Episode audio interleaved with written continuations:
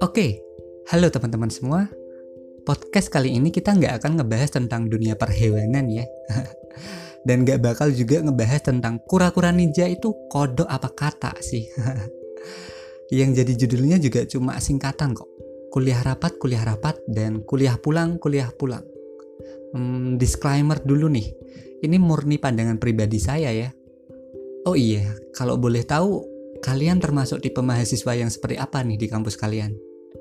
Dan menurut kalian, mana nih yang lebih bagus? Kura-kura atau kodok? Eh, kura-kura atau kupu-kupu? Gimana?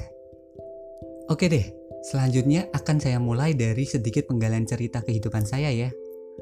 Jujur dari zaman SD sampai zaman SMA, nggak pernah tuh yang namanya ikutan organisasi-organisasi kayak, kayak gitu. Pernah terbesit juga dalam pikiran saya kalau organisasi itu hanya untuk tempat-tempat orang-orang hits dulu. Atau yang mau jadi budak sekolah gitulah. Atau mungkin itu hanya sekedar alasan saya deng. Karena saya dulu rasa saya itu minder kali. Ya ya emang dari kecil saya itu punya masalah dengan kepercayaan dirian sih. Buat masuk ke dalam lingkungan sosial yang agak struktur tuh itu susah ansos sih enggak saya tetap main kok sama teman-teman kampung saya dulu. Cuman dulu males aja harus kumpul-kumpul dalam organisasi gitu. Oh mungkin organisasiku dulu itu clan atau guild di dalam game kali ya. mungkin teman-teman yang lain juga ada yang relate sama kehidupan saya dulu. Dan saya di usia remaja merasa hal yang paling menakutkan adalah ketika saya harus berbicara di depan umum. Atau bahkan ya buat berinteraksi dengan orang baru aja kadang-kadang saya suka keder gitu. Soalnya kata teman saya cara ngomong saya itu plek gak plegu dalam bahasa Semarangannya. Atau nggak jelas lah intinya. Di sisi lain itu yang ngebuat mental saya semakin ciu dong.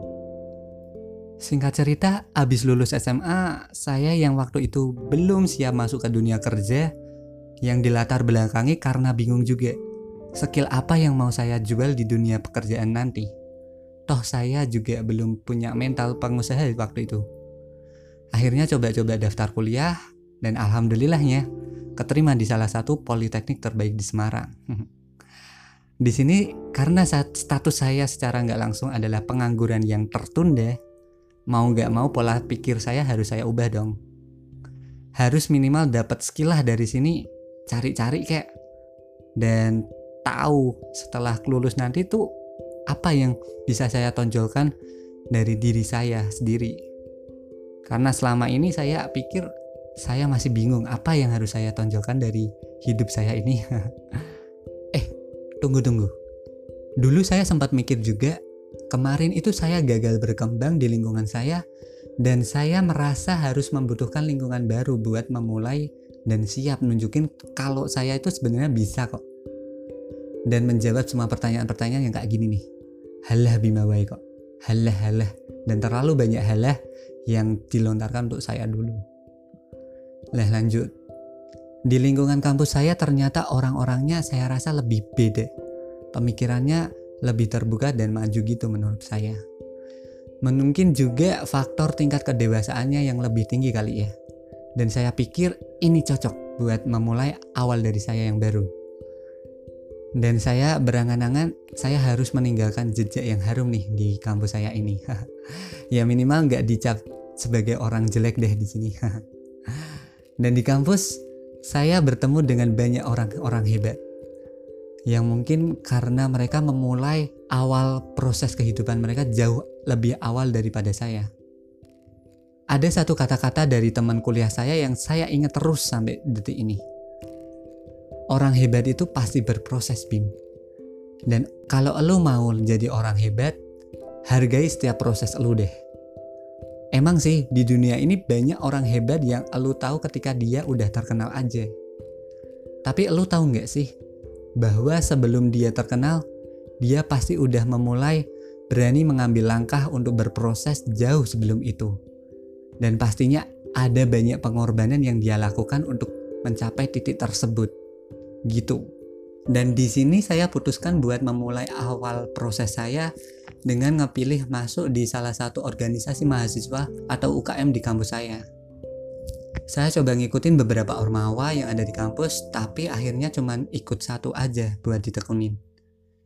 Dan di sisi lain, ada yang saya suka dalam sistem kaderisasinya. Yaitu walaupun terkesan setiap organisasi itu hanya ingin agar masing-masing dari mereka memiliki penerusnya, dan karena itu mereka sering memberikan arahan-arahan yang berlebihan, yang berlebihan ke calon-calon pengurusnya. Tapi mereka seperti memberikan aura positif secara nggak langsung sih. Bahwa nggak peduli siapa pun kalian dari mana asal kalian kalian kalau punya niat dan attitude yang bagus untuk join di Ormawa ini di sini bakal jadi tempat berproses kalian yang tepat dan seru deh dan itu secara nggak langsung juga menaikkan mental dan semangat dari calon-calonnya dong.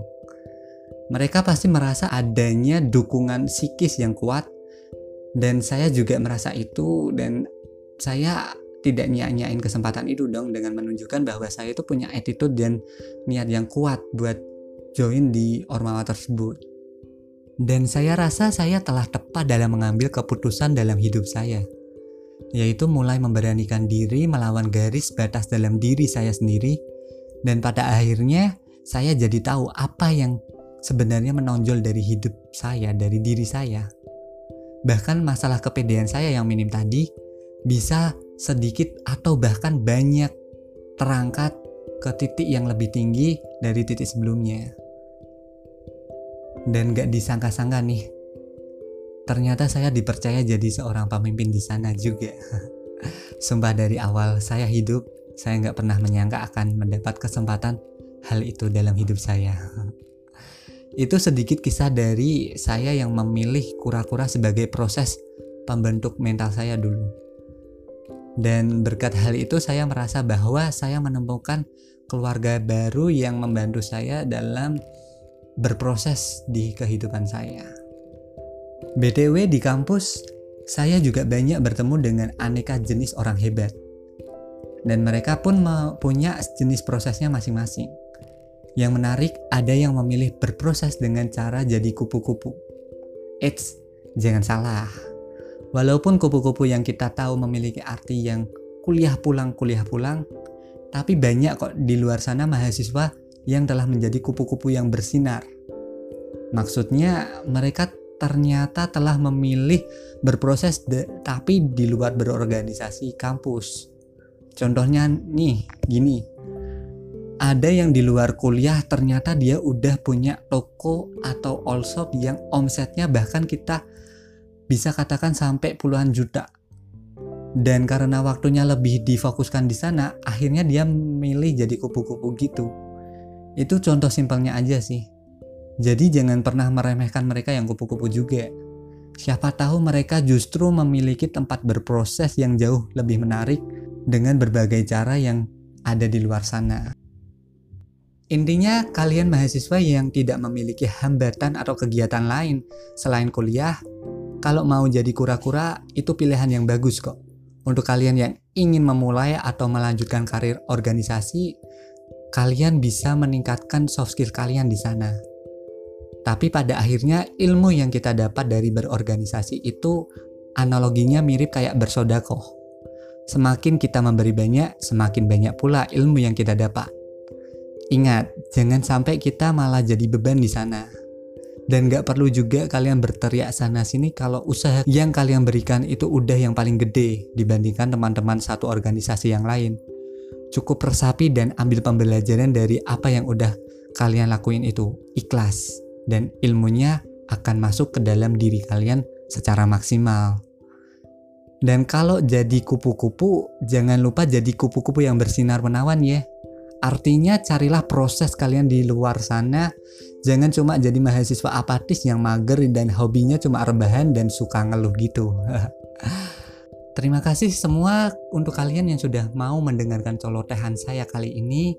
Dan mungkin ada yang mau saran besok mau memikirkan apa lagi ya bisa DM di IG saya @bimadesyam ingat berpikir itu bukanlah adegan yang berbahaya tapi tidak semuanya suka melakukannya. Saya Bima Desyam see you